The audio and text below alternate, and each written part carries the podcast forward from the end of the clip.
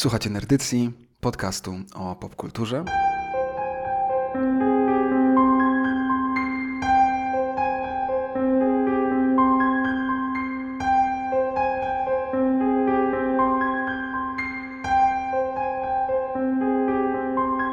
I jak słyszycie po naszym dźwięku początkowym, dzisiaj jest odcinek niezwykły, bo będzie strasznie, ale tak jak zawsze, jak zwykle, ja nazywam się Damian, a mój szanowny współprowadzący nazywa się Kuba.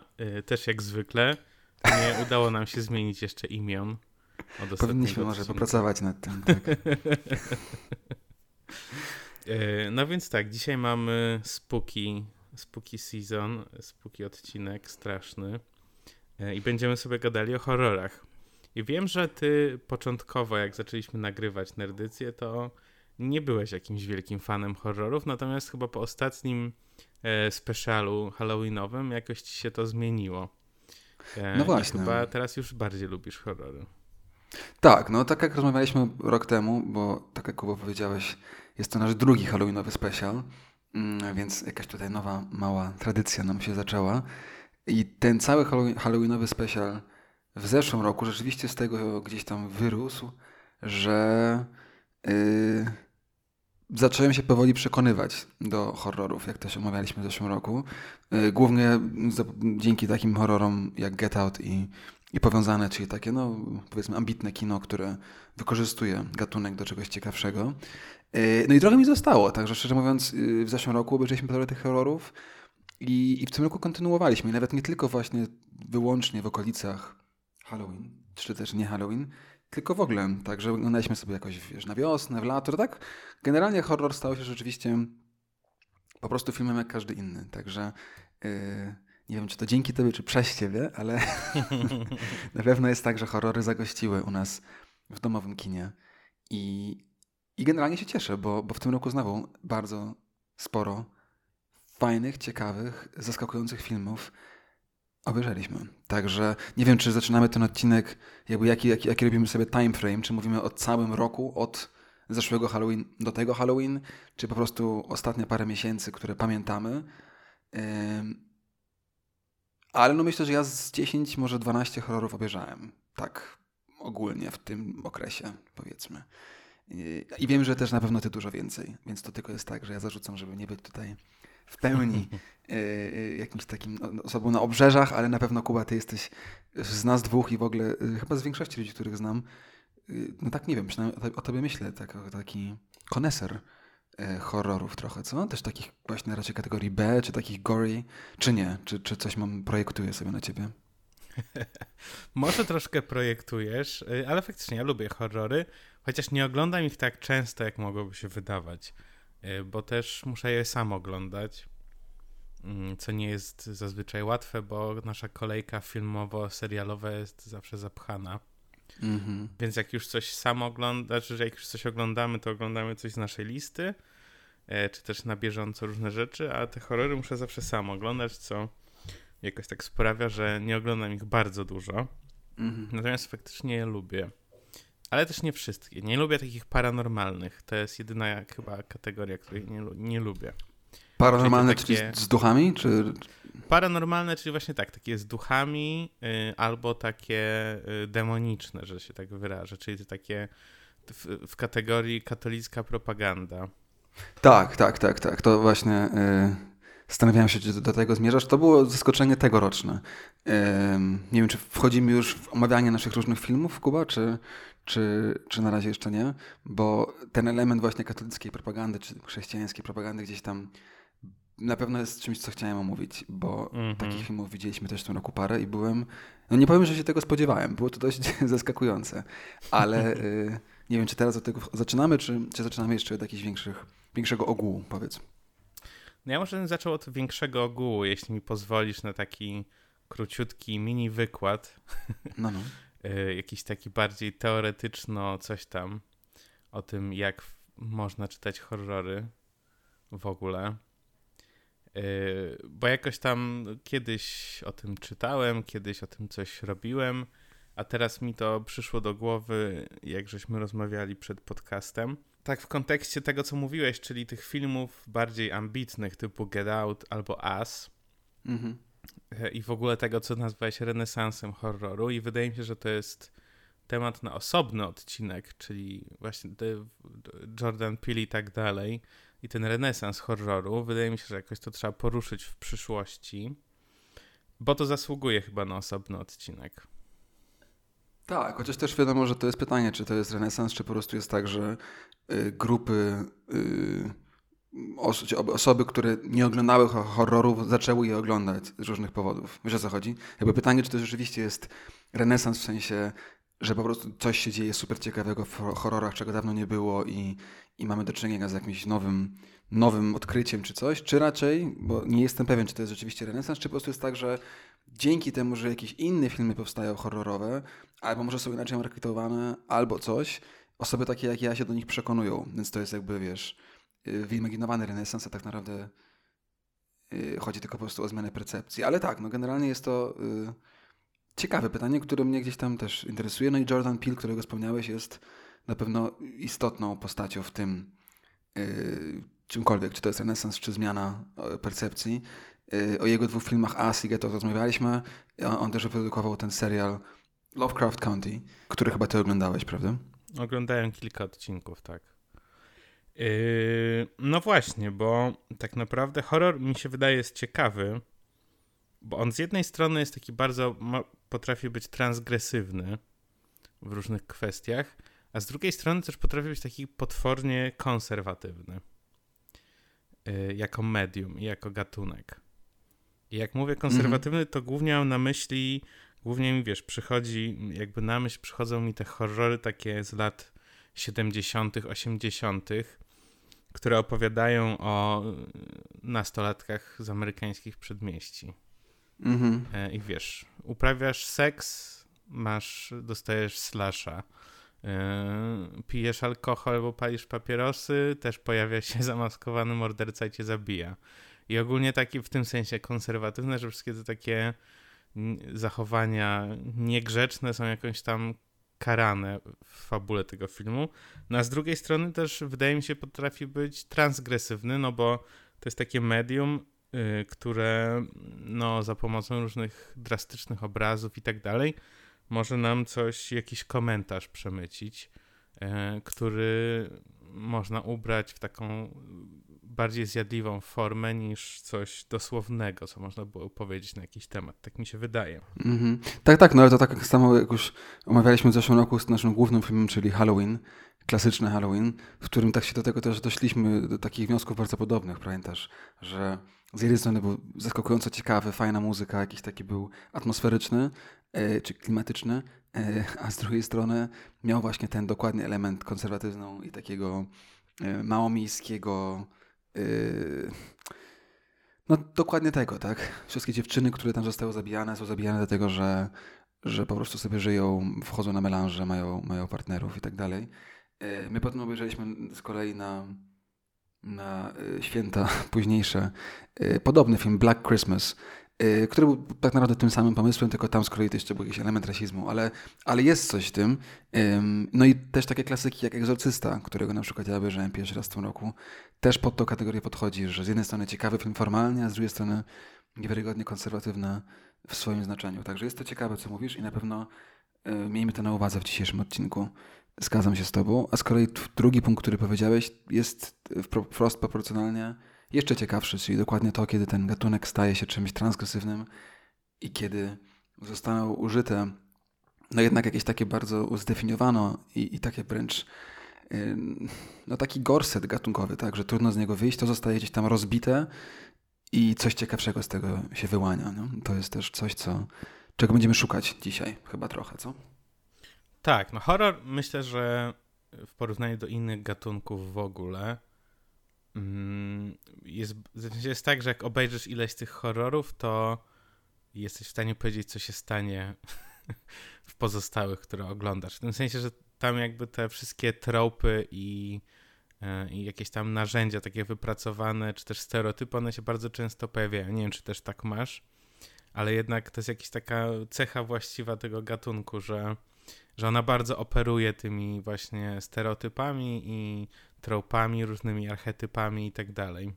Tak, ale nie wiem, czy bym się z tobą zgodził, że tylko horror. Powiedziałbym, że w ogóle kino gatunkowe.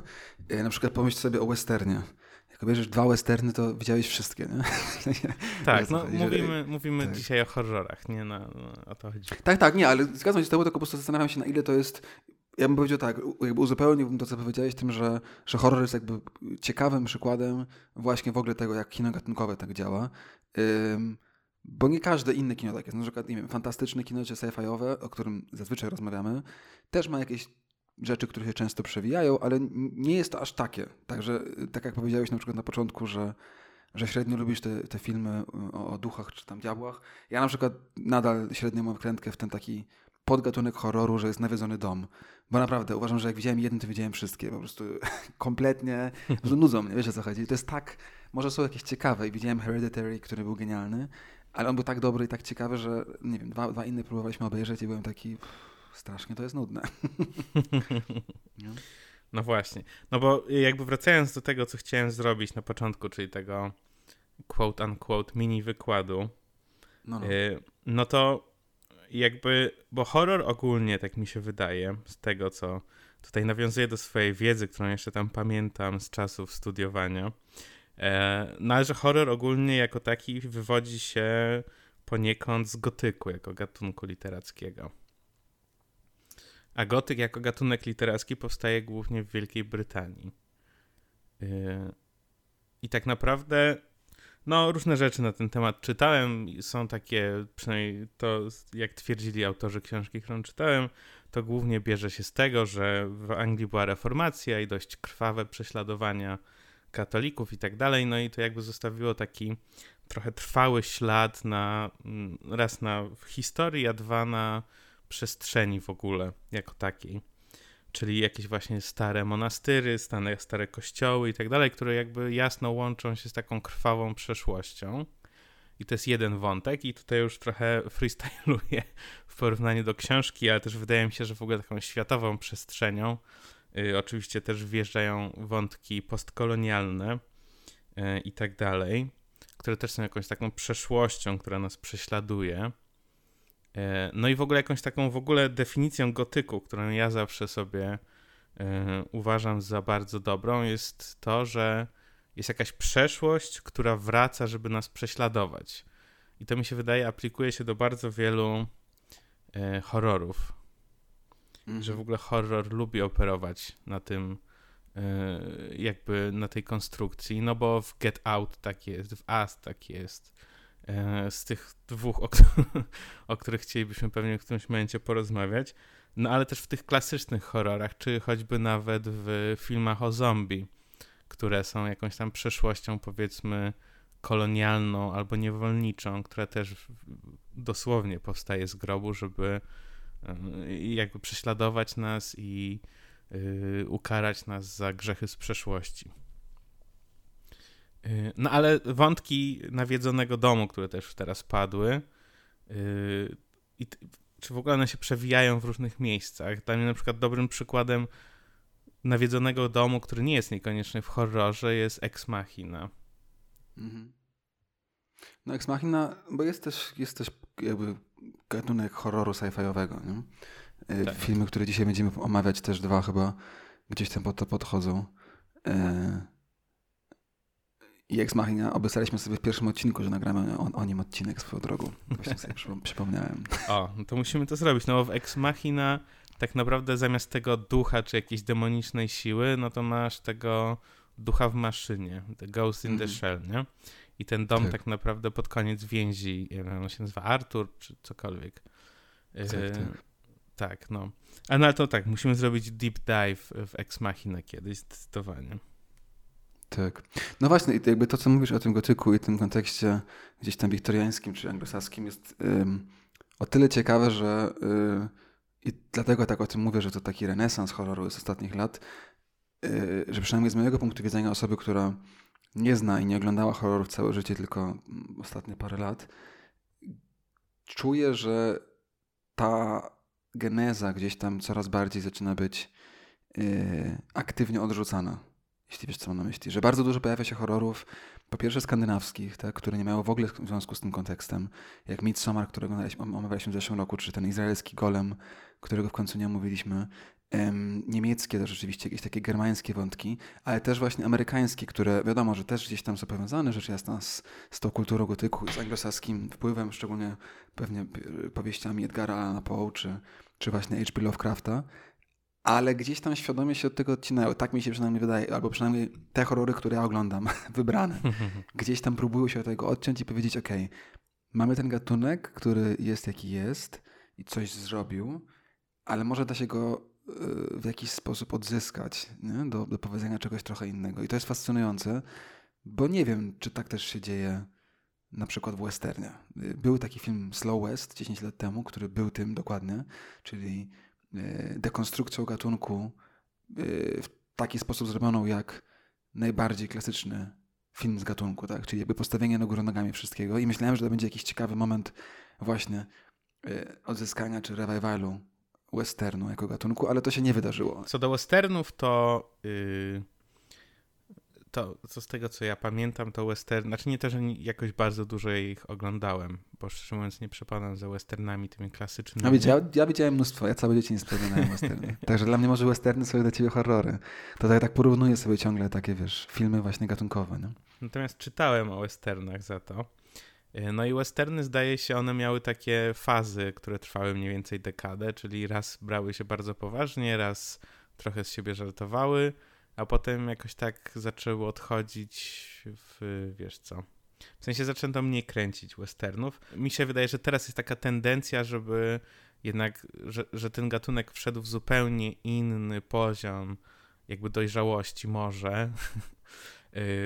I teraz raczej się, no nie jest już taki sani, sanitized, nie jest taki wyczyszczony z różnych rzeczy, tylko raczej stara się pokazać jednak pewną brutalność i odczarować ten mit dzikiego zachodu jako takiego jakiegoś, wiesz, miejsca, gdzie faktycznie są ci ludzie, którzy się strzelają, no ale jednak oni mają jakiś etos i to wszystko jest takie, wiesz, obdarte z takiego prawdziwego ludzkiego cierpienia. Ja mi się wydaje, że te, te westerny, które teraz się kręci, przynajmniej te takie, które warto oglądać, no jednak starają się pokazać ten, y, ten czas historyczny z zupełnie innej perspektywy. Nie wiem, tak trochę zbaczamy z tematu. Tak i nie, bo masz rację i też yy, prawdą jest to, że no western miał taki swój moment właśnie dekonstrukcji w latach 80., tak? kiedy, kiedy Włochy stały się centrum westernów miałeś te wszystkie y, uznawane dzisiaj za klasyki gatunków filmy wyprodukowane przez Włochów. Y, Sergio Leone oczywiście i Clint Eastwood w roli głównej i, i reżyser Sergio Leone głównie, ale też inni. Więc na pewno masz rację, że to jest jakiś inny moment, więc horror, żeby wrócić do horroru, rzeczywiście może dopiero to nadejdzie, albo, albo też nie, no bo to są zupełnie inne filmy, tylko tak ten western podchwytuje, bo no bo z innych filmów gatunkowych, no to mamy film kostiumowy, którego ja w ogóle nie oglądam, yy, prawie nigdy. Yy, no i właśnie fantastykę, tak, którą i tak już sobie często omawiamy.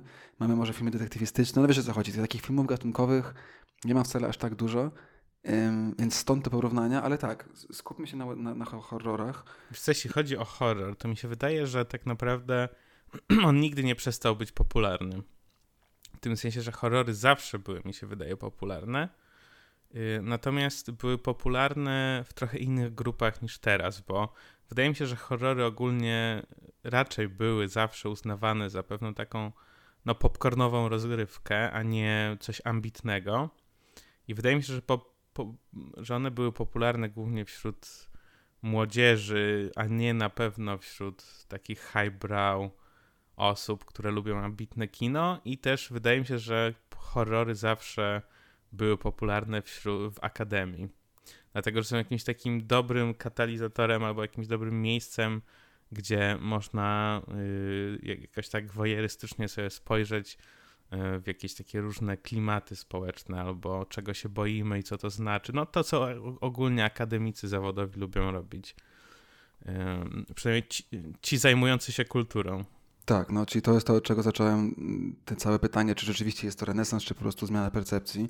Bo masz rację, no to, to jest to, to, to, to, o co trochę mi chodziło, że, że może nie do końca jest renesans, tylko właśnie to, że po prostu inne grupy dołączają do tych dużych grup, bo tak, no, seria filmów o, o Pile, So, tak, seria filmów o The Ring, całe japońskie kino horrorowe, które było przecież ogromne, w późnych latach 90. i wczesnych 2000 na świecie, globalnie. E, mnóstwo innych serii, tak? Scream, e, I, knew, I, I Know What You Did Last Year i tak dalej, i tak dalej. W sensie tych takich franczyz horrorowych, wielkich, które i były popularne kasowo i popularne wśród ludzi, było mnóstwo i, i, i dlatego stąd to, co gdzieś tam zarzuciłem na początku, co też, e, jak rozumiem, podchwytujesz, że, że może nie do końca renesans, tylko właśnie w jakiś sposób zmiana yy, i ten taki, no, zaproszenie, tak, żeby właśnie traktować horror ambitnie. Ciekawe to jest, bo to się na pewno wydarzyło świadomie, tak mi się wydaje. I, i, i to się gdzieś wydarzyło w tym samym momencie, kiedy mamy kryzys finansowy, który jak dla mnie zawsze jest ciekawym odnośnikiem do wszystkiego i, i nie wiem, nie mam odpowiedzi, ale tak tylko wiesz, rzucam jakieś myśli, że to gdzieś tam może wszystko się fajnie łączy. Słuchaj, no to może skoczmy do tych filmów, żeby już tak, wiesz, nie, nie teoretyzować, tylko, tylko przejdźmy do praktyki.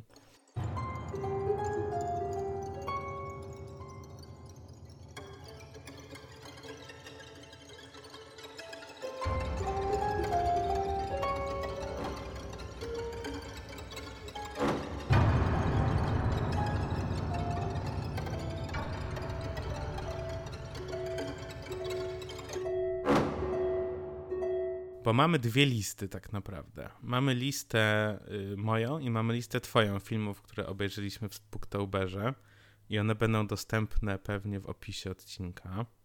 No właśnie, mamy dwie listy i, i co w związku z tym? Co proponujesz, Kuba? to może znajdźmy wspólne mianowniki najpierw. Yy, bo wiem, że ty oglądałeś Candymana yy, 2021, bo trzeba też powiedzieć, że jest y, wersja pierwotna z 92 roku.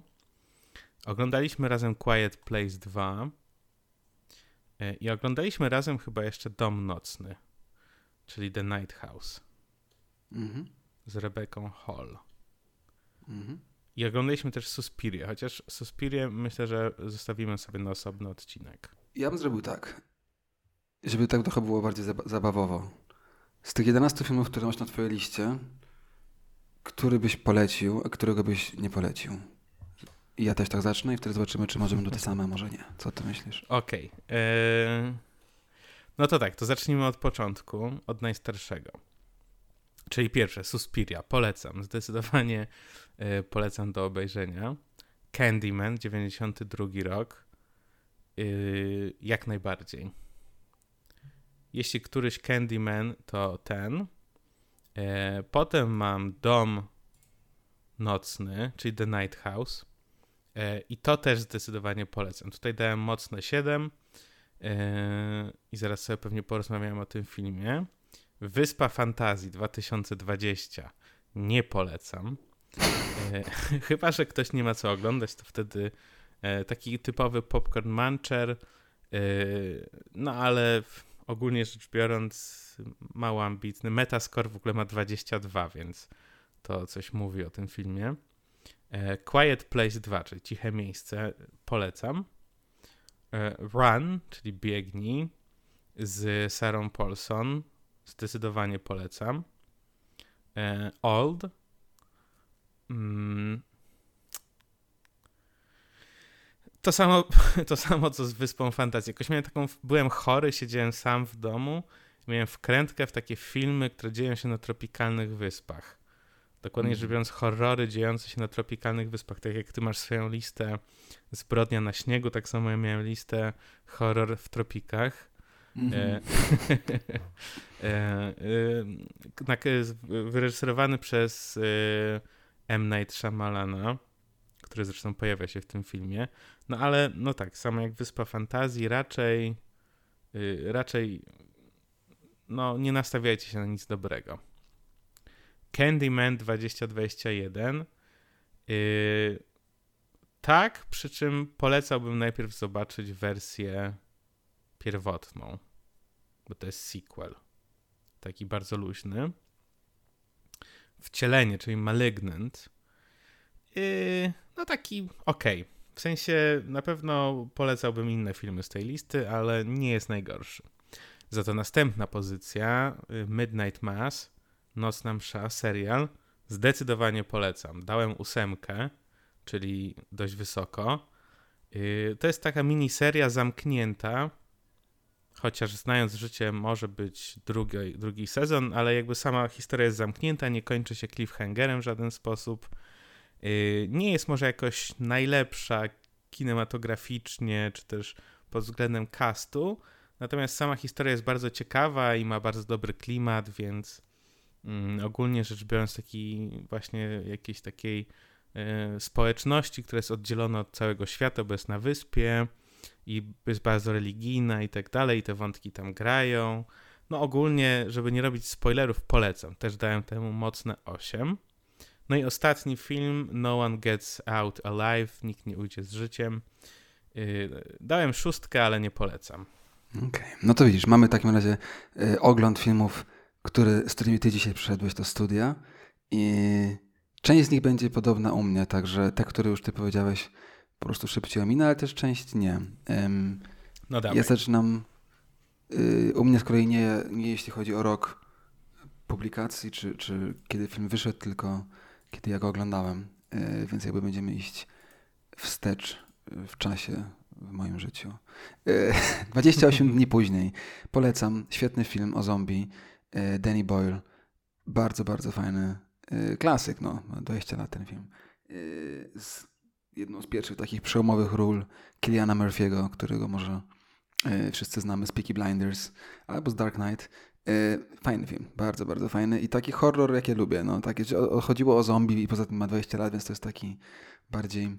Mm, no nie jest to taki horror jak, jak te inne na tej liście stricte, ale właśnie raczej film o zombie, ale, ale był przerażający i, i to był taki film tak samo trochę jak A Quiet Place, mam wrażenie, którego jakąś taką meta wiadomością czy metatreścią jest to, że, że najbardziej przerażającym potworem to, to jednak są ludzie, e, homo sapiens i społeczeństwo, więc to jest gdzieś tam ciekawe. The Conjuring to jest coś, o czym chciałem z Tobą porozmawiać, więc na pewno do tego wrócimy. E, to jest właśnie ten film z kategorii e, kościelnej propagandy beznadziejny. Hereditary ciekawy, przerażający. To był najbardziej przerażający film, jaki widzieliśmy w tym roku. Śnił mi się dwa albo nawet trzy dni, także hardcore. Hereditary był hardcore, ale ciekawy. I wizualnie, i w treści, także to polecam. Yy, I jak już słyszymy, moja lista będzie raczej mm, czy moje polecenia, czy nie polecenia będą może bardziej radykalne niż twoje. Ale to już ustaliliśmy w poprzednim odcinku, że nasze ratingi trochę się różnią. Antebellum 2020 to jest film, który ja ci y, polecam od roku i ty go chyba nie obejrzałeś ciągle, ciągle chyba, nie wiem. Y, fajny. Jak Get Out i Us opowiada o rasizmie w Stanach y, i z jakiegoś powodu ma bardzo niski rating, także tym bardziej trzeba go obejrzeć, bo chyba online nerdy się rzuciły na niego, że, że skandal. Ciekawy. Telma to nie jest horror stricte, raczej takie skandynawskie kino y, arthouse'owe. Joachim Trier, bardzo dobry reżyser chyba duński albo norweski. Mm, no, polecam. Black Christmas, już omówiliśmy i o tym chyba nie będziemy mówić. Trochę tak jak Halloween klasyk z lat 70. Jak ktoś ma wkrętkę w tę, w tę kategorię, zapraszam. Y, Run 2020 też Kuba go oglądałeś. Ja nie polecam, beznadziejny film. Y, Quiet Place part 1, genialne. Part 2 ma moje polecenie, dlatego że nie miałem w ogóle yy, nadziei na to, że da się zrobić ciekawy sequel, a udało im się. Także yy, z tego punktu widzenia i z tego powodu polecam, ale na pewno dużo gorszy od jedynki. Ale tak, myślę, że Quiet Place sobie jeszcze omówimy. Candyman 2021 też omówimy, bo razem go widzieliśmy. Y, The Exorcist, klasyk, egzorcysta. Jako klasyk, ciekawy do obejrzenia. Ten sam rok, pra, pra, praktycznie, co Halloween i, i Black Christmas, ten sam czas wczesne lata 70. Jak dla mnie mm, przerażający i byłem zaskoczony, że po 50 latach nadal tak y, no, działa mocno. Naprawdę był przerażający, ale w, w, jakby w tym, co mówi w przekazie, no, kategoria The Conjuring. Także myślę, że to sobie połączymy. I The Night House, ostatni film, który też razem widzieliśmy. Zaraz sobie wejdziemy do niego głębiej. To taki film, jak go nazywam sobie, film Żiszkowy. To jest dla mnie kategoria filmu właśnie Y, jak, jak Psycho Hitchcocka czy coś takiego. Taki film, o którym wiem, że Żyżek by bardzo chętnie nagrał coś. Może już nagrał, może napisał, kto go wie. Y, no, zapraszał do psychoanalizy takiej bardzo prostej. Także ciekawy, ale taki. Także to jest moja lista. To była Kuby lista. Czy ja mogę się I szybko może... odnieść do twojej Powiedz. listy? Dobra, odnieść się. No, Bo tak widzę, że to jest dużo filmów, które mm, ja widziałem wcześniej, a których nie ma na mojej liście, no bo już jakby je oglądałem. Tak, no 28 Days Later, wydaje mi się, nie będziemy omawiali. E, super film, też polecam. Jeden z najlepszych filmów o zombie, zaraz po mm. filmach Romero. E, tak. Hereditary, w zeszłym roku chyba omawialiśmy. Tak. E, no i mm, też. Chyba nie, tak? Czy ja ci polecałem i ty w końcu. Nie omawialiśmy go w zeszłym roku. Okay. W zeszłym roku było The Lighthouse, Midsummer, Us, The Witch i Sputnik, a o, potem kurde, Carpenter. Mieliśmy, e, The Thing, The Thing from Another World i. E, I tyle. To, I Halloween, w sensie film Halloween. Także to, to były nasze filmy w zeszłym roku. No tak, Hereditary jak najbardziej polecam. Jeden ze straszniejszych horrorów. Y, Antebellum mam, już jest, będę dzisiaj oglądał, bo chyba będę chciał je zrobić z dziećmi na seminarium. Mhm. Y, Black Christmas nie oglądałem. Y, dobra, tak skaczę. Ke żeby już nie przedłużać, Exorcist super straszny, super fajny, bardzo polecam. I jeszcze Conjuring, które też robiłem z dziećmi, lekcje o Halloween i wszystkie mi polecały Conjuring. E, i z nimi rozmawiałem, czy mi się podoba i tak dalej. E, no dla mnie tak. Dla mnie on był trochę, bo ja nie lubię tych paranormalnych znowuż, więc dla mnie one są zbyt straszne. Jakoś niestety mhm. jestem mocno wychowany w kulturze chrześcijańskiej, chcąc nie chcąc, yy, jako zatwardziała osoba, dla której religia nie jest kwestią, ale jakoś to tkwi we mnie, więc te wszystkie paranormalne rzeczy mnie super przerażają. Więc Conjuring oglądałem, wiesz, tak przez zamknięte oczy. Ale no tak, kato propaganda. To chyba sobie jeszcze o tym pogadamy. To może zacznijmy od tego, bo to już tak tyle wspomnieliśmy, czy nie? Tak, no to, to może ty, ty dawaj, bo to ty ukułeś ten, ukułeś ten termin w naszej, w naszej dyskusji. The Conjuring był ciekawy, bo The Conjuring, y, film z 2013 roku, jaki jest jego polski tytuł, może wiesz, Kuba? Obecność. I to było ciekawe, bo dużo o tym filmie słyszałem, jak się googluje, wiesz, listy typu Best Horror Movies, ostatnich 10 lat i tak dalej, to ten film zawsze się pojawia w top 3. Jest po prostu wszędzie. Zapoczątkował serię filmów, już nie wiem ile ich jest, chyba 7. W sensie The Conjuring ma sequel i potem jeszcze dalszy sequel. Jest seria spin-offów o The Nun. Y, jest, jest inna seria spin-offów o yy, Annabelle, tak? To wszystko jest ten jakby uniwersum The Conjuring. Także to jest jakaś taka wielka rzecz. Nun akurat um, widziałem ostatnio i polecam. Całkiem mi się podobało. Chociaż też jest w tej y, żanrze. Ja jestem z takim żonrem właśnie, jeśli chodzi o duchy i tak dalej, to jakby nie mam spiny. Raczej na odwrót, raczej mnie one nie przerażają, bo, bo w nie nie wierzę, więc trochę taki jestem zazwyczaj znudzony. Chyba, że y, coś takiego jak właśnie, wiesz, opętanie, to, to jest niezłe.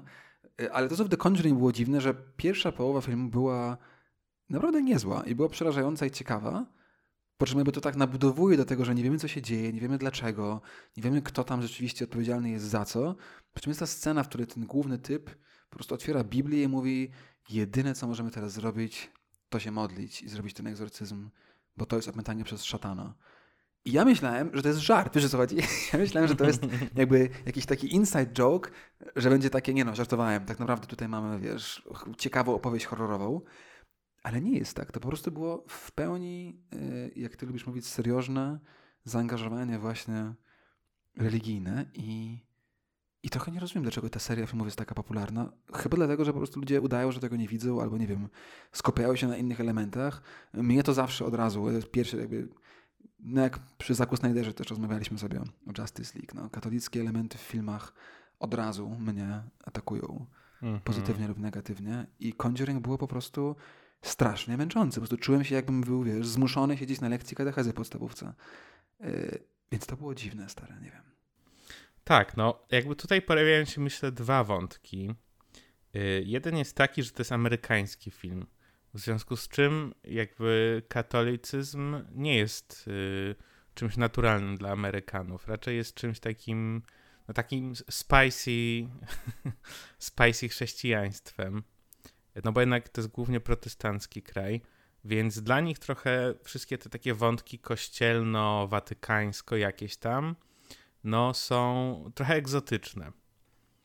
Dla nas, jako polskich odbiorców, a przynajmniej dla mnie, y, no nie są, bo jesteśmy po uszy zanurzeni w tym świecie.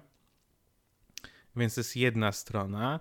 A druga strona jest taka, że jednak, żeby się bać tych rzeczy, wydaje mi się, trzeba być y, wychowanym w tej kulturze chrześcijańskiej. No bo wydaje mi się, że gdybym oglądał film, powiedzmy, indyjski, o jakichś indyjskich y, demonach, jeśli takowe istnieją, które kogoś opętują, zdaje mi się, że poza jumpscarami to nie bałbym się za bardzo tego filmu, bo też nie mam zupełnie takich odniesień do tego, jak to wygląda i tak dalej. Wydaje mi się, że tutaj nawet chcąc, nie chcąc, te filmy jakieś mają taki appeal do tych publiczności amerykańskich właśnie z jednej strony, że to jest takie y, papieskie, że się tak wyrażę, wyrażę popisz, y, że to jest takie, wiesz, y, no właśnie katolickie, a ten kościół katolicki jako taka stara instytucja ma jakiś taki egzotyczny appeal, a z drugiej strony właśnie to, że no jednak y, no to jakoś bezpośrednio odnosi się do takich rzeczy, które są super głęboko zakorzenione w każdym elemencie kultury i jakoś wychowania większości osób, przynajmniej z poprzednich pokoleń. To jest na pewno istotny element, masz rację. E, ale stąd też ciekawy właśnie na przykład ten element, jeśli chodzi o ten drugi film z tej kategorii, e, czyli Egzorcysta, który też był to tak naprawdę była ta sama opowieść, nie? tylko że tutaj byli księ dwóch księży, a, a w Conjuring tych dwóch yy, ta, ta, para małżeńska, ta, która chciałaby być bardzo w sutannach, a nie byli. I ciekawe jest to, że to nie jest tylko tak, i szczególnie tutaj mówię w egzorcyście, to jest tutaj mój rant na egzorcystę, że to nie jest tylko tak, że jest ten element wiary w szatana i w opętanie jako powiązanie do, do Jezusa, ym, który w tym filmie się pojawia jako coś, co jest w pełni prawdy i pra prawdziwe i, i, i, rzeczywiste, ale jest tam też powiązany cały worldview, nie? sposób patrzenia na świat. No i jakby czym jest opowieść, która zostaje nam pokazana w Egzorcyście? Jest to opowieść o e, kobiecie, która jest rozwódką, która wychowuje sama dziecko i jeszcze dodatkowo jest, ma karierę i pracuje. E, I co się dzieje z tym dzieckiem, w, którym, w domu, w którym nie ma ojca i w którym matka nie kotuje i nie zajmuje się domem, tylko ma Y, osoby, którym płaci za to, a ona zajmuje się karierą, dziecko zostaje opętane. Nie? I jakby ta taka krytyka, i to nie jest nic nowego, bo, bo krytyka egzorcysty od 50 lat się dzieje, tak, z tego punktu widzenia. Y, ale było to coś ciekawego, co mi się wydaje, że nie jest czymś z zewnątrz, tylko właśnie totalnie z wewnątrz. Nie? Jak masz opowieść, która jest tak mocno właśnie katolicka, no to też nie powinno zaskakiwać, że takie, y, taki, tak, taki przekaz tam się pojawia. Wiesz, co mam na myśli? Mhm, nie no, jasne, masz rację. No ale powiedz, The Night Mass, jakoś jesteśmy przy takich rzeczach religijnych, czy to też jest film z takiej kategorii, serial z tej kategorii? Rozumiem, że tam chodzi o yy, mszę. Czy to tylko jest w tytule, czy, czy, czy jak? Opowiedz nam trochę o tym, bo, bo byłeś całkiem dość pozytywnie o tym filmie chyba, nie? Z tego, co wychwyciłem. Tak, serialu. Mm. Y, sorry, tak, serialu. To tak. jest serial, czy to jest miniserial? To jest, to jest... Znaczy, no, wydaje mi się, że to jest zamknięta opowieść. Zdziwię się, jak mhm. będzie drugi sezon, natomiast pewnie nie można tego wykluczyć. Ale historia jest zamknięta. Y, no więc to się dzieje na takiej małej wyspie y, u wybrzeży Stanów Zjednoczonych. Jest tak, że to jest bardzo religijna społeczność, która jest skupiona wokół właśnie kościoła, który jest katolicki. E, co znowu, jak powiem, jest pewnym wyjątkiem, a nie regułą w Stanach.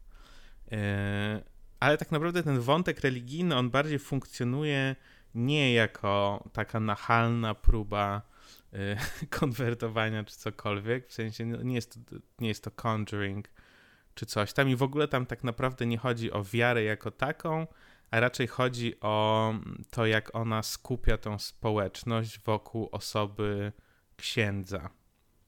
I w mhm. ogóle jak to gra i jak takie społeczności w ogóle się organizują, jaka jest wśród nich dynamika.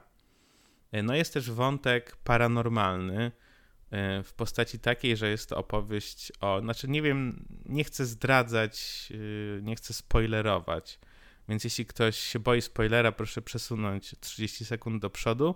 No jest to opowieść o wampirach. Okej. Okay. i o tym, no jest to, jest ciekawe.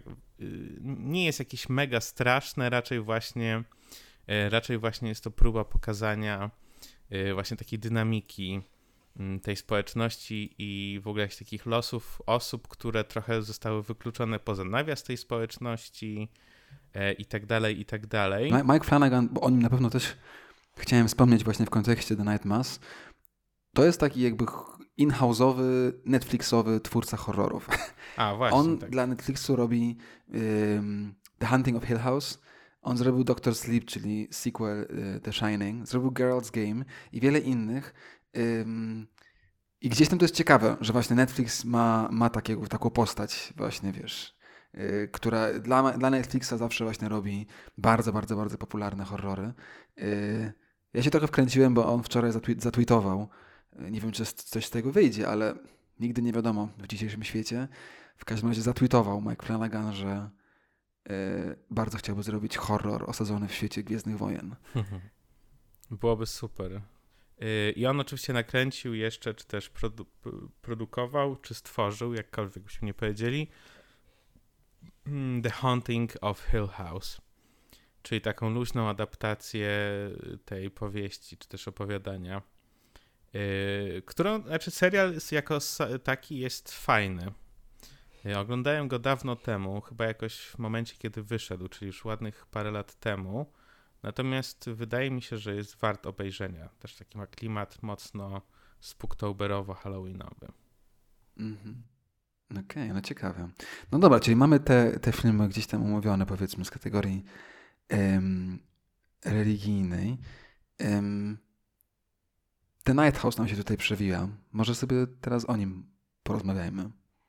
No dobra, to, yy, to dawaj yy, psychoanalizę. Ja sobie usiądę na tym, na kozetce. no nie, ale to yy, powiedz ty najpierw, jak ci się podobało i, i co ci się podobało w nim. Co mi się podobało? Wiesz co, ogólnie podobał mi się klimat tego filmu. Yy, był całkiem spooky ten film, był całkiem straszny, więc jakby ten fear factor tam występuje halloweenowy. Y, sama historia, no, y, mogłaby być lepsza pewnie, mogłaby być bardziej, wiesz co... Y, koherentna. Koherentna, może jest to dobre słowo. No ale też jakby sam ten taki twist pod koniec i ten główne założenie tego filmu, no nie wiem, czy jakoś ono było super takie koszerne dla mnie. Tak. Politycznie. Y, natomiast tak, tak, tak. też główna aktorka, ja lubię Rebecca Hall, więc to na pewno był duży plus w tym filmie. Tak. Y, no, The Night House mi się dość mocno kojarzył z um, Invisible Man, który mam wrażenie, że w zeszłym roku też omawialiśmy. Ja tego nie ale... widziałem, ale bardzo chcę obejrzeć. A, to może ja po prostu o tym mówiłem, dlatego nie ma go w odcinku. Tak, no właśnie, on był dość podobny. To jest taki, taki właśnie, tak, Invisible Man polecam, Invisible na pewno jest ciekawszy yy, i tak jak mówisz, ta, ten message yy, jest gdzieś tam lepszy, powiedzmy, w sensie lepszy, bardziej po dobrej stronie mocy w Invisible Man. Yy, bo temat jest dość podobny i tu i tu gdzieś tam chodzi o przemoc domową, tudzież przemoc między mężczyzną, a kobietami. Mm, w The Night House ja miałem ogromny problem z tą końcówką, zgadzam się z tobą. No, I znowu, hardkorowo spoilujemy dzisiaj, także yy, tak to już taki odcinek, ale to, co w The Night House mnie po prostu zszokowało, no to ten... No bo ten film pod koniec mówi de facto tak. Mamy tego typa, który zabija i robi te wszystkie okropne rzeczy do, do, do wszystkim innym kobietom, żeby chronić tę główną kobietę. W związku z tym jest okej. Okay. I ona mu wybacza. I ja byłem taki, no nie, to, to nie jest okej. Okay. nie? Nie wiem. Tak. Jakby w ogóle mnie... Nie wiem, może źle go przeczytałem, ale ja byłem taki, czy to rzeczywiście jest message? Nie wiem. Też tak miałeś? No, ja nie wiem, czy on jej wybacza, czy ona mu wybacza. Yy, no ale chyba tak, no. nie wiem, czy da się jakoś to inaczej no przeczytać. No właśnie, no. Ja tylko mówiłem z tym, że to taki Żyżkowy film, bo w jednym z tych filmów, które Żyżek, yy, Sławoj Żyżek zrobił o kinie, tak, i o psychoanalizie Hollywoodu nakręcił parę filmów fajnych, polecam. Yy, w jednym z nich właśnie tam się rozprawia z Hitchcockiem i też napisał wiele książek o Hitchcocku i tak dalej. Yy, I właśnie on yy, psycho, psycho yy, analizuje w taki właśnie bardzo podstawowy sposób psychoanalityczny. No i mam wrażenie, że w tym filmie to samo jest, tak? Czyli mamy dom, w którym mamy różne poziomy i te poziomy gdzieś tam odpowiadają yy, poziomom naszej świadomości, tak? Więc mamy piwnicę, która jest pod, świadomością, tak? Mamy dach, który jest yy, yy, super ego, mamy parter, który jest ego, yy, i potem mamy tutaj jeszcze to odbicie lustrzane, tak? Czyli naszą mhm. projekcję, coś tam, coś tam. Także wiesz, tylko o to mi chodziło, że to jest taki film, który pomimo tego, że ten końcowy message jest problematyczny, mi się wydaje, że właśnie na zajęciach, czy w jakiejś takiej analizie akademickiej byłby całkiem ciekawy, czyli po prostu jest całkiem ciekawą case study właśnie do tego, tak? Czyli yy, no właśnie, no, Freud w Hollywood troszeczkę. Wiesz, co mam na myśli? Tak, tak, tak.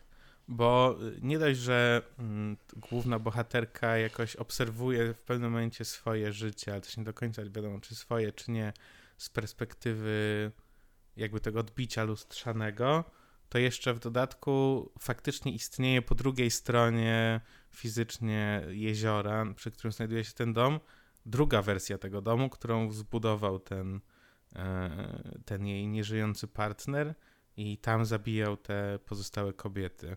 Więc to funkcjonuje na jakichś różnych poziomach. To było fajne w tym filmie. To mi się podobała ta zabawa właśnie z lustrami, tak, z tym, uh mhm. -huh. kto jest prawdziwym sobą, a nie prawdziwym sobą. Nie, to, to takie, no mówię, nie jest to jakieś super deep i nie jest to nic nowego, ale to było skrapnie zrobione. Yy, no tylko, że właśnie końcówka była po prostu bardzo dziwna, bo tak, no moim zdaniem ona mu przebacza i generalnie my jako widz powinniśmy być, jakby zostaje nam zasugerowane, że powinniśmy się pozytywnie utożsamiać z tym typem, a ja byłem taki no po prostu hardkorowy przemocowiec, morderca. Yy, no nie wiem. to było gdzieś dziwne. Ale tak. No ale rozumiesz, on był opętany przez złego demona, który powodował, że miał e, niekontrolowane urges, żeby zabijać, no właśnie, no. znęcać się nad kobietami, moment... ale skoro nie zrobił tego tej jednej wybranej, to znaczy, że jest dobry. No właśnie, no i to jest ten moment, w którym ja jestem taki, że jeżeli to rzeczywiście jest takie na serio, takie właśnie siermiężne, to mi to w ogóle nie wchodzi. Ja lubię te horrory, jak to jest takie, wiesz, ten element się dzieje i są te demony i szatany i whatever, ale jakby jest to wszystko z przymrużeniem oka, wiesz, puszczone jest mi oko, powiedziane to jest tylko pewnego rodzaju chwyt, żeby powiedzieć co innego. Wiesz o co chodzi? A tutaj właśnie to było takie w ogóle, nie, nie, brakowało mi tego elementu, no ale pod tym względem, jeśli chodzi o ten dom i te poziomy, to było ciekawe, no. Mm -hmm. Także, yy, ale powiedz Run, następny film, który mi się kojarzy, bo ty go bardzo polecasz, a ja nie i tam też mamy ten element domu. Więc może powiedz nam teraz trochę o tym filmie, co myślisz? Słuchaj, ja go widziałem... Mm nie, ja go nie widziałem teraz, ja go widziałem chyba w zeszłym roku albo dwa lata temu, więc ja go nie mam super na świeżo. Kiedy ty go oglądałeś? Też, też w zeszłym roku, może, może styczeń, okay. może grudzień, także dość dawno temu. No, no bo yy, tak, żeby sobie może wspólnie przypomnieć, o co chodziło w tym filmie, to mamy główną bohaterkę, która jest grana przez Sarę Paulson. Nie, Sarah Paulson jest matką, tak? -hmm. Tak, to jest taki film o, o, o matka, matka, córka mieszkają w domu, córka jest bardzo, bardzo, bardzo chora, nie może wychodzić z domu. No i jakby ten, tak. ten motyw właśnie, że ta córka jest chora i tak dalej, no i się to okazuje, że to jest ten Munchausen by proxy, y, czyli tak. jakby dla osób, które nie wiedzą, no to Munchausen to jest taka choroba psychiczna, mi się wydaje, w której osoba y, jakby wywołuje u siebie różne objawy choroby. E, tak żeby, tak, żeby była chora i no, to polega na tym, że się chodzi do lekarzy, potem się tych lekarzy zmienia, jak oni nie mogą nic znaleźć, albo jak mówią, że nic jej nie jest i tak dalej, tej osobie w sensie. E, no a Munchausen by proxy polega na tym, że się w kimś wywołuje te objawy choroby. No i tutaj jest to. I ten wątek sam jakoś, nie wiem, no ja miałem wkrętkę w takie historie, więc może dlatego mi się to podobało. Ale może mhm. jakby obiektywnie ten film nie jest dobry. Może ty jakoś masz bardziej, wiesz, zimnym okiem to oglądałeś. Nie, ja, ja podobnie. U mnie raczej jest tak, że jestem po prostu bardzo yy, trudno mnie do czegoś przekonać. Jak już się przekonuję, to mam bardzo wysokie oczekiwania i jak one zostają niespełnione, to jestem bardzo negatywny. Więc po prostu było tak, że podobał mi się ten setup, podobał mi się pomysł. Aktorstwo i tak dalej i po prostu miałem wrażenie, że od połowy ten film nie wiedział, nie wiedział czym chciał być. Więc po prostu końcówka w ogóle mi nie weszła. Wiecie co, rozwiązanie akcji po prostu bardzo mnie zawiodło, więc byłem taki uff, so what, tak? I pod koniec ona zabija, bo jakby cała opowieść jest o tym, że ta, ta matka z tą córką jest to takie napięcie, nie wiemy komu ufać. To było bardzo fajnie zrobione w tym filmie, że nie wiemy komu ufać. Czy to ta córka rzeczywiście jest chora i ta matka ją chroni, czy właśnie ta córka nie jest chrona, chora i matka ją więzi i masz to taką, to napięcie, to było, to było dobre, to było ciekawe, ale po prostu miałem problem z tym, że ten film gdzieś tam kończy się tym, że córka staje się jak matka, tak, że jakby nie ma wyjścia, tylko ona ją zabija i teraz ona będzie tą złą. I byłem taki, no to, to jest, that's all, to jest jakby jedyne do czego, wiesz o co chodzi, to jest jedyny wniosek, do którego mogliśmy dojść, nie było tam nic, nic ciekawszego, gdzieś tam, no nie wiem. Ale zgadzam się z tobą, że, że, te, że te takie właśnie e, elementy yy, nie chcę powiedzieć chorobowe, tak, ale no, to jest to, o czym rozmawialiśmy przy Halloween w zeszłym roku, że, że choroba psychiczna jako coś złego niestety pojawia się bardzo często w horrorach, pamiętasz naszą dyskusję. I ta stygmatyzacja, tak, że, że osoby yy, ze zmianami psychicznymi czy, czy psychologicznymi gdzieś tam są gorsze, złe, niebezpieczne i tak dalej. I jest to jakiś taki yy, znowu przekaz, który jest moim zdaniem społecznie zły. Więc ciekawe jest, że w tych nowych horrorach właśnie jak w Ran ten element gdzieś tam zostaje tak świadomie wydobyty nie? na pierwszy plan i jakoś wokół niego osadzona akcja. Także to mi się wydawało ciekawe, zgadzam się, zgadzam się z tobą. Tak, no, gatunek horror w domu, ktoś y, jakby mu, moje bezpieczeństwo domowe zaburza, to jest chyba jeden z bardzo taki klasyczny trop horrorowy. mm. To, co zostało nam Quiet Place, które jest trochę sci-fiem bardziej niż horrorem. Yy, I zostało nam. No, Antebellum ja nie widziałem, chcę zobaczyć, także tego nie będziemy omawiali. To co teraz? Tak.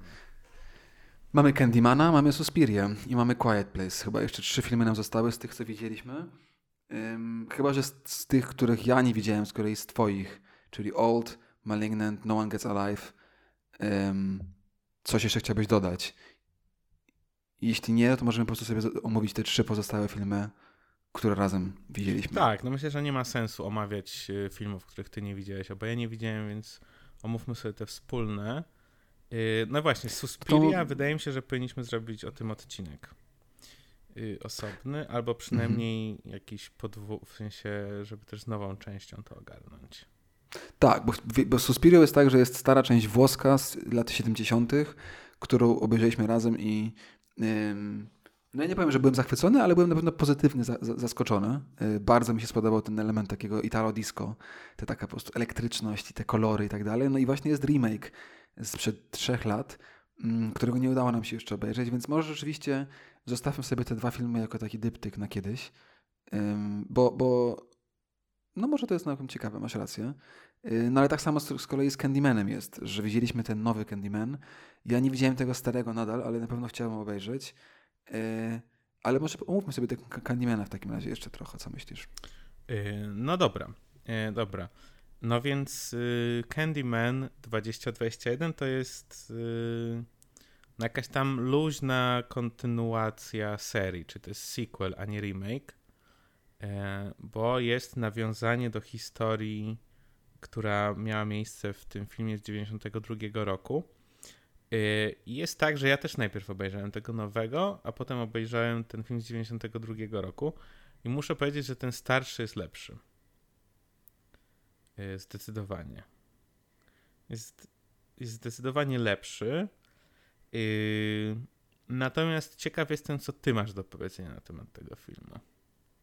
No ja właśnie bardzo ten stary film chciałbym zobaczyć i to jest ciekawe, że to mówisz, bo ten nowy film, Candyman, sprzed paru miesięcy dosłownie, bardzo starał się, tak mi się wydaje, y, być jak właśnie, jak, jak filmy Jordana Pila. Wydaje mi się, że on bardzo chciał być jak Get Out, jak Us. Bardzo chciał mieć taki element właśnie y, świadomego radzenia sobie z rasizmem w, poprzez gatunek horroru. Tak, on chyba był producentem. I moim zdaniem tak, on tam był jednym z producentów, ale nie był jakoś, wiesz, nie był twórcą twórcą, więc to też czuć. No bo moim zdaniem spodobało mi się, że było o o gentryfikacji. Spodobało mi się, że był o mieście. Spodobało mi się, że był o Chicago i że był yy, tak mocny w końcówce. Ale mówię teraz dokładnie o końcówce ostatnie dwie minuty. Yy, ta końcówka mi się podobała. Te, te takie świadome wejście w buty Candymana, yy, masakra na policjantach, w pełni jako odnoszącą się bezpośrednio do, do Black Lives Matter, gdzieś tam tak mi się wydaje. Więc to, to było ciekawe i mocne. To, z czym mam duży problem, to jest połączenie pierwszej części filmu z drugą częścią filmu. Nie wiem, czy też takie miałeś wrażenie, ale ja po prostu oglądając ten film nagle miałem wrażenie, jakby wycięli 20 minut i po prostu rzeczy przestały mieć sens. Y, jakby końcówka była strasznie szybka, no jakoś tak, nie wiem, byłem zagubiony. I to było dla mnie takie, że szkoda, bo wydaje mi się, że ten film mógłby być dużo ciekawszy, gdyby był bardziej skupiony na tym, czym chciał być. Ale właśnie ciekawie, że mówisz, że ten film z lat 90. jest nawet lepszy jeszcze, bo ja miałem taką, takie czytanie tego filmu nowego Candymana, że, yy, że ten stary film właśnie był w ogóle nie o rasizmie, że był jakimś takim, wiesz, beznadziejnym, biał, białackim filmem z lat 90., a oni w tym nowym tak świadomie wykorzystują te elementy właśnie rasizmu. Także ciekawie, że, że nie, że ten stary też już taki jest i tym bardziej chętnie go obejrzał. No ja właśnie, ja właśnie też miałem takie poczucie, że tak będzie i tak wiesz, z takim mm. po prostu zadowoleniem z siebie, że tak po prostu usiądę, obejrzę ten film z 92 roku, tak po prostu wyłapię te wszystkie rasistowskie rzeczy, te wszystkie rzeczy, które mi się nie podobają mm. i tak będę mógł się poznęcać nad tym filmem, a było zupełnie na odwrót. I mnie to zbiło mm. z tropu. Y, no, mi się wydaje, ten nowy film, jego największy problem jest taki, że on po prostu jest bardzo dosłowny. I jest mm. y, no taki po prostu no tak jak mówisz, no nie jest on tak subtelny, wiesz, filmy Jordana Pila też nie są jakoś super subtelne, no, ale jednak tutaj jest tak. to ewidentnie jakby no takie, takie podejście, no takie, wiesz o co chodzi, nie mam dobrego słowa, żeby teraz wyrazić to, co no, chcę Ja to nazywam siermię, sier, siermiężność, no, jest po prostu no. siermiężność, seriozne tak. jest, no. Y, I ten cały tak. wątek, wiesz, y, ten cały wątek tego artysty, który próbuje coś mm. malować, potem przychodzi ten ten y, nie, nie kolektor, tylko no właściciel galerii, który mówi mu, że mm. to jest, wiesz, no to już widzieliśmy, namaluj coś prawdziwie czarnego, coś tam, no to wiesz, takie wątki, no mi się właśnie to wydaje takie proste i dosłowne, jakieś takie nieciekawe mm. po prostu. Tak, tak. No to, to, to jest to, co mówię, że on bardzo chciał być jak Get Out, a po prostu nie miał takiego skilla, no. Że jakby nie chciał, wiesz o co chodzi, chciał być jakiś głęboki, subtelny, a po prostu był taki bardzo in your face, no niestety, zgadzam się z tobą. Więc szkoda, ale pomimo tego, ja, ja bym go tak w całości nie skreślił, no bo właśnie nadal ciekawe jest to dla mnie, że ten, że właśnie czarni twórcy w Stanach ten horror gdzieś tam podchwytują i go tak wykorzystują i nawet jeśli to nie zawsze działa, to tutaj wystarczająco dużo ciekawych jakichś było zamysłów, że nawet na plus, no i tak jak mówisz, ten stary pierwowzór z 92 w takim razie warto zobaczyć. Tak, ja nie przekreślam Candymana tego nowego. Yy, dałem mu 6 na 10, ocena dostateczna, także myślę, że można go obejrzeć. A ty yy, ciekaw jestem, jaka jest twoja ocena tego filmu? Ja ostatnio mam bardzo dużą wkrętkę w oceny numeryczne, tak jak sobie już powiedzieliśmy w ostatnim odcinku. Tak, tak, jak wszyscy już, którzy słuchali nasz poprzedni odcinek wiedzą. Ja też dałem mu 6, no ale dla mnie 6 to jest, y, no że tak jakby okej, okay, no nic, nic złego, nic dobrego. No. Właśnie, no dostateczna tak. ocena. No, tak. Okej, okay, możemy się potem pokłócić o subtelności 6 na 10. No dobra, czyli co? Kończymy nasz rundown horrorów filmem, który ty mówisz, że jest bardziej sci-fiowy niż horrorowy, czy jak?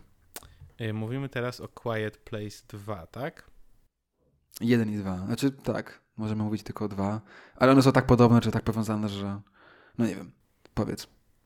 Tak, no yy, znowuż pojawia się tutaj Killian Murphy. Yy, bardzo fajna postać. Yy, no ja też byłem trochę sceptyczny, tak jak ty, yy, co do tego, co można zrobić jako sequel, bo wydawałoby się, że yy, ta kwestia tych potworów została rozwiązana w pierwszej części z tego tak. co pamiętam. Ja pierwszą część widziałem naprawdę bardzo dawno temu, wtedy jak ona wyszła, więc już trochę nie chcę się wypowiadać. Tak, ja też widziałem pierwszą część jak wyszła i dlatego mówię o niej jako horror może dlatego, że wtedy jeszcze nie oglądałem w ogóle horrorów, więc jak ten film wyszedł i go obejrzałem, byłem naprawdę wow, w sensie byłem przerażony, bo on ma elementy strachu, moim zdaniem mocne i mnie bardzo przeraził. Byłem naprawdę taki... No to było, to było ciężkie. Dlatego zapamiętałem go sobie jako horror. Teraz jak ta dwójka wyszła, obejrzeliśmy jedynkę i dwójkę back to back, zrobiliśmy sobie double feature i nadal jest przerażający, ale głównie tak, wiesz, rozpoznaję to jako takie właśnie elementy formalne, tak, że tam to granie ciszą jest bardzo y, dobrze zrobione. No i oczywiście to w kinie słychać dużo lepiej niż w domu, no. y, w pustym pokoju, jak sobie też po, podczas tego zachwytu nad Duną rozpływaliśmy się nad właśnie dźwiękiem w kinie, to, to podobnie z Quiet Place, że wiesz, każdy szelest liści w kinie słyszysz, no i te potwory w filmie też go słyszą i tak dalej, i tak dalej. Ale tak, no, dla mnie ta opowieść w jedynce była skończona tym, że no, umiera ten ojciec, umiera, umierają te potwory i jakby bałem się, że ta dwójka, że ten sequel będzie jakimś takim właśnie czymś strasznie na siłę. Um, I spodobało mi się, że to nie było. W sensie, wiesz, nie było to na zasadzie 10 lat później, coś tam, tylko po prostu kontynuujemy prawie następnego dnia. No i jeszcze trzeba dokończyć opowieść, tak? Czyli jakby zabiliśmy parę potworów, ale nie wszystkie, yy, więc coś trzeba zrobić, żeby te wszystkie potwory załatwić. Nie, nie, nie był aż tak dobry jak jedynka, chyba też dlatego, że jedynka była tak zaskakująca, a w dwójce trochę wiadomo już o co chodzi, nie? Ale nadal jako sequel zadziałał, tak mi się wydaje. Tak, no ja już trochę wyparłem yy, ten film. Czy zakończenie jest takie, że oni podłączają do radia ten dźwięk i zabijają w ten sposób te potwory? Tak. Okay. No, żeby w dwójce, tak? Czy tak, w dwójce. W dwójce, yy... tak. W dwójce jest tak, że udaje się to z tym radiem, tam po, po drodze różne osoby się yy, oferują, w tym prawie Killian Murphy traci nogę, ale, ale pod koniec udaje im się podłączyć to urządzenie do, do tego wielkiego radia i jakby, wiesz, w domyśle cały świat może się pozbyć potworów, tylko muszą nastroić sobie radio na ten pisk. Mm-hmm. No właśnie, też rozmawialiśmy o pierwszej części. Ja ją zapamiętałem chyba o wiele lepiej niż, yy, niż ona jest w rzeczywistości, bo jakoś mi się wydawało, że ta pierwsza część jest właśnie taka, że wiesz, że te potwory nie za bardzo wiadomo o co chodzi, że ich nie widać, coś tam. Potem rozmawialiśmy o tej pierwszej części i powiedzieli, że wcale tak nie jest i że te potwory pojawiają się prawie że od razu, wiadomo o co chodzi. Bo, bo, to była główna moja krytyka tej drugiej części, że właśnie ona jest taka bardziej strzelankowa niż straszna, ale chyba tak nie jest. Chyba po prostu coś sobie... Tak i nie. Znaczy, troszkę jest jak z Alienem i z Alienem 2, z Aliens. Wiesz o co chodzi? Jest rzeczywiście tak, że dwójka jest bardziej strzelankowa, no ale też dlatego, że wiemy już, co tam się dzieje, nie? Żeby w Alienie jedynce na, to, to nabudowuje tak bardzo powoli i tak dalej, i tak dalej. W Aliens Jamesa Camerona po prostu jest sieka non-stop, tak? To jest jakby ta... Podobnie jest w tym Quiet Place, ale, ale myślę, że tutaj wiesz, trzeba dodać ten element, że jak ten pierwszy film wyszedł jednak wtedy, w 2018 roku, to był wielkim zaskoczeniem. Tak? To było coś, czego trochę nikt nie wiedział, co to jest. Nikt się nie spodziewał, że to będzie takie połączenie.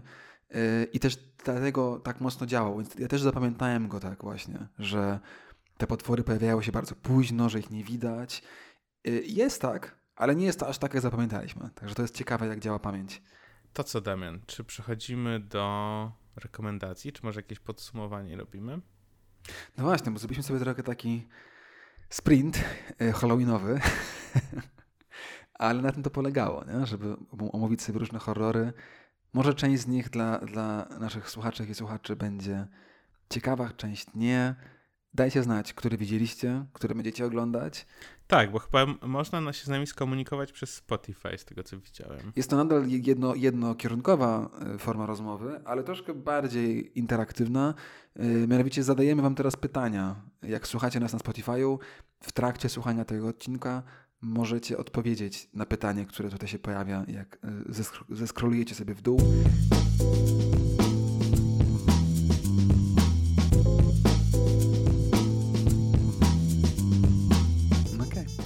To co? Rekomendacja. Co masz dla nas dziś? Ja mam dzisiaj dwie rekomendacje. Jestem rebelem małym, yy, ale obie są gamingowe, bo rzadko się okay. gamingowe znaczy rzadko gamingowe tematy występują w nerdycji. Mm. I też było tak, że w ogóle przez bardzo długi czas ostatnio nie miałem w ogóle wkrętki w gry komputerowe. W sensie nie tyle w samą tematykę, co w granie w nie faktycznie. Jest takie jest taki mem takiej dziewczynki, która jest zadowolona i tak sobie o czymś daydreaming marzy, a potem jest jej zdjęcie, jak rysuje kredką i płacze. E, no i to jest właśnie thinking about games i playing games. E, actually playing games. No więc ja jakoś w ogóle nie miałem wkrętki w gry komputerowe ostatnio. Natomiast ta, którą chcę polecić, nazywa się Darkest Dungeon. Wyszła jej druga część we wczesnym dostępie ostatnio. Yy, w którą nie grałem jeszcze, bo na razie sobie chcę przejść jeszcze raz tą pierwszą część i ona jest super trudna, ma bardzo taki mroczny klimat właśnie halloweenowy, więc pasuje. Yy, I ogólnie jak ktoś lubi wyzwania i lubi się pomęczyć, yy, to polecam. Bo ja lubię takie gry. Mhm. No jest to gra strategiczna. Druga rekomendacja, która też jest powiązana z tematem gamingowym, to jest kanał na YouTubie, który jest yy, no, tysiące razy bardziej popularny niż Nerdycja, jeśli chodzi o słuchania. Więc nie wiem, czy jest jakiś sens, żeby go reklamować. Natomiast yy, ma bardzo dobre materiały dotyczące takiej tematyki retro. Ja bardzo lubię tematykę retro gierek. Mhm. Yy, no więc ogólnie taka, wiesz, historia gier komputerowych, historia różnych serii znanych, historia takich tytułów, które się grało w latach 90., jak byliśmy dziećmi i tak dalej. I on się nazywa arn.eu, arychyn.eu. I prowadzi go taki pan, który się nazywa Dark -hmm. Archon, bardzo nerdowo, gierkowe, gierkowa ksywka. E, no ale szyku, oni bardzo dobre materiały, takie bardzo merytorycznie robią na temat gier. Więc mi się podoba. O, to są moje dwie rekomendacje. Okej, okay. no dzięki. Ciekawe, ciekawe. E, ja też mam dwie. Widzisz, jak się skrywamy ostatnio w rekomendacjach? No. Ale, ale dużo mniej ambitne. skończyłem oglądać wszystkie już y, seriale Marvela ostatnio i no i to jest moje polecenie ogólne. Wydaje mi się, że filmy Marvela, w sensie MCU, ostatnimi czasy trochę y, szwankują i trochę słabo im idzie, no, ogólnie. Czy znaczy, Shang-Chi był ciekawy, ale, ale nie było to... Nie było to... Y, był ciekawy, ale nie więcej. Y, Black Widow było słabe i ten nowy film Eternals. The Eternals wygląda beznadziejnie. Wygląda po prostu jak film... Znaczy nie wiem nie chcę tutaj hejtować, ale wygląda jak DC sprzed pięciu lat. No, nie, nie wiem, co się Marvelowi stało. Tak, zero wkręt. Ale właśnie y, WandaVision, o którym już rozmawialiśmy któregoś razu, nadal uważam, że najlepszy z tych seriali, y, ale polecam, naprawdę WandaVision polecam i Loki, te dwa, nie trzy, dwa polecam. Ten Captain America nie polecam, ale, ale WandaVision i Loki Y, polecam właśnie jako trochę taka odskocznia od filmów Marvela, które są strasznie, znowu, dzisiaj moje ulubione słowo, w gorsecie kanonowym, kanonicznym, a, a te seriale mają wolność i robią co chcą i, naprawdę grają z formą, z treścią, szczególnie WandaVision, która była super. Loki troszkę się zawiodłem, ale może dlatego, że WandaVision była tak dobra, ale i tak fajne, naprawdę fajne. I także to są takie dwie Tak, ale trzeba przyznać, że Loki trzeba docenić to, że miał na siebie pomysł jako na serial. Jakby mi się wydaje, że był całkiem tak koherentny jako i miał jakiś, no, jakiś taki, wiesz, motyw miał i tak dalej, więc yy, na, jakby na tle tych filmów ostatnich Marvela wydaje mi się, że bardzo godne polecenia, a faktycznie WandaVision lepsze. No dobra. To co? Dzięki za wspólny Halloween, Kuba i wam wszystkim. Było strasznie, czy nie było? Trochę było spóki. yy, trochę było spóki i dla osób, które słuchają tylko Halloween Special widzimy się za rok, a dla osób, które słuchają regularnie widzimy się za miesiąc. Tak, to prawda, nie pomyślałem o tym, ale może rzeczywiście mamy, mamy taką sytuację, że ktoś tylko nas na Halloween słucha. No, może tak, jak tak, to dajcie znać, bo to yy, brzmi ciekawie. Dzięki, trzymajcie się ciepło i do usłyszenia. Dzięki Damian, trzymajcie się. Nerdycja jest do słuchania na wszystkich platformach streamingowych, na Spotify'u i wszędzie tam, gdzie dają podcasty. Produkujemy ją wspólnie, Kuba i Damian. Wszystkie informacje co do muzyki i grafiki znajdziecie w opisie odcinka. Można lajkować nas na Facebooku, wysyłać wiadomości i ogólnie dawać znać, a także słuchać naszych starych odcinków, których już jest prawie, już nie prawie, jest ich 30 razem z tym odcinkiem. Także zapraszamy do słuchania archiwum. Dzięki i do usłyszenia.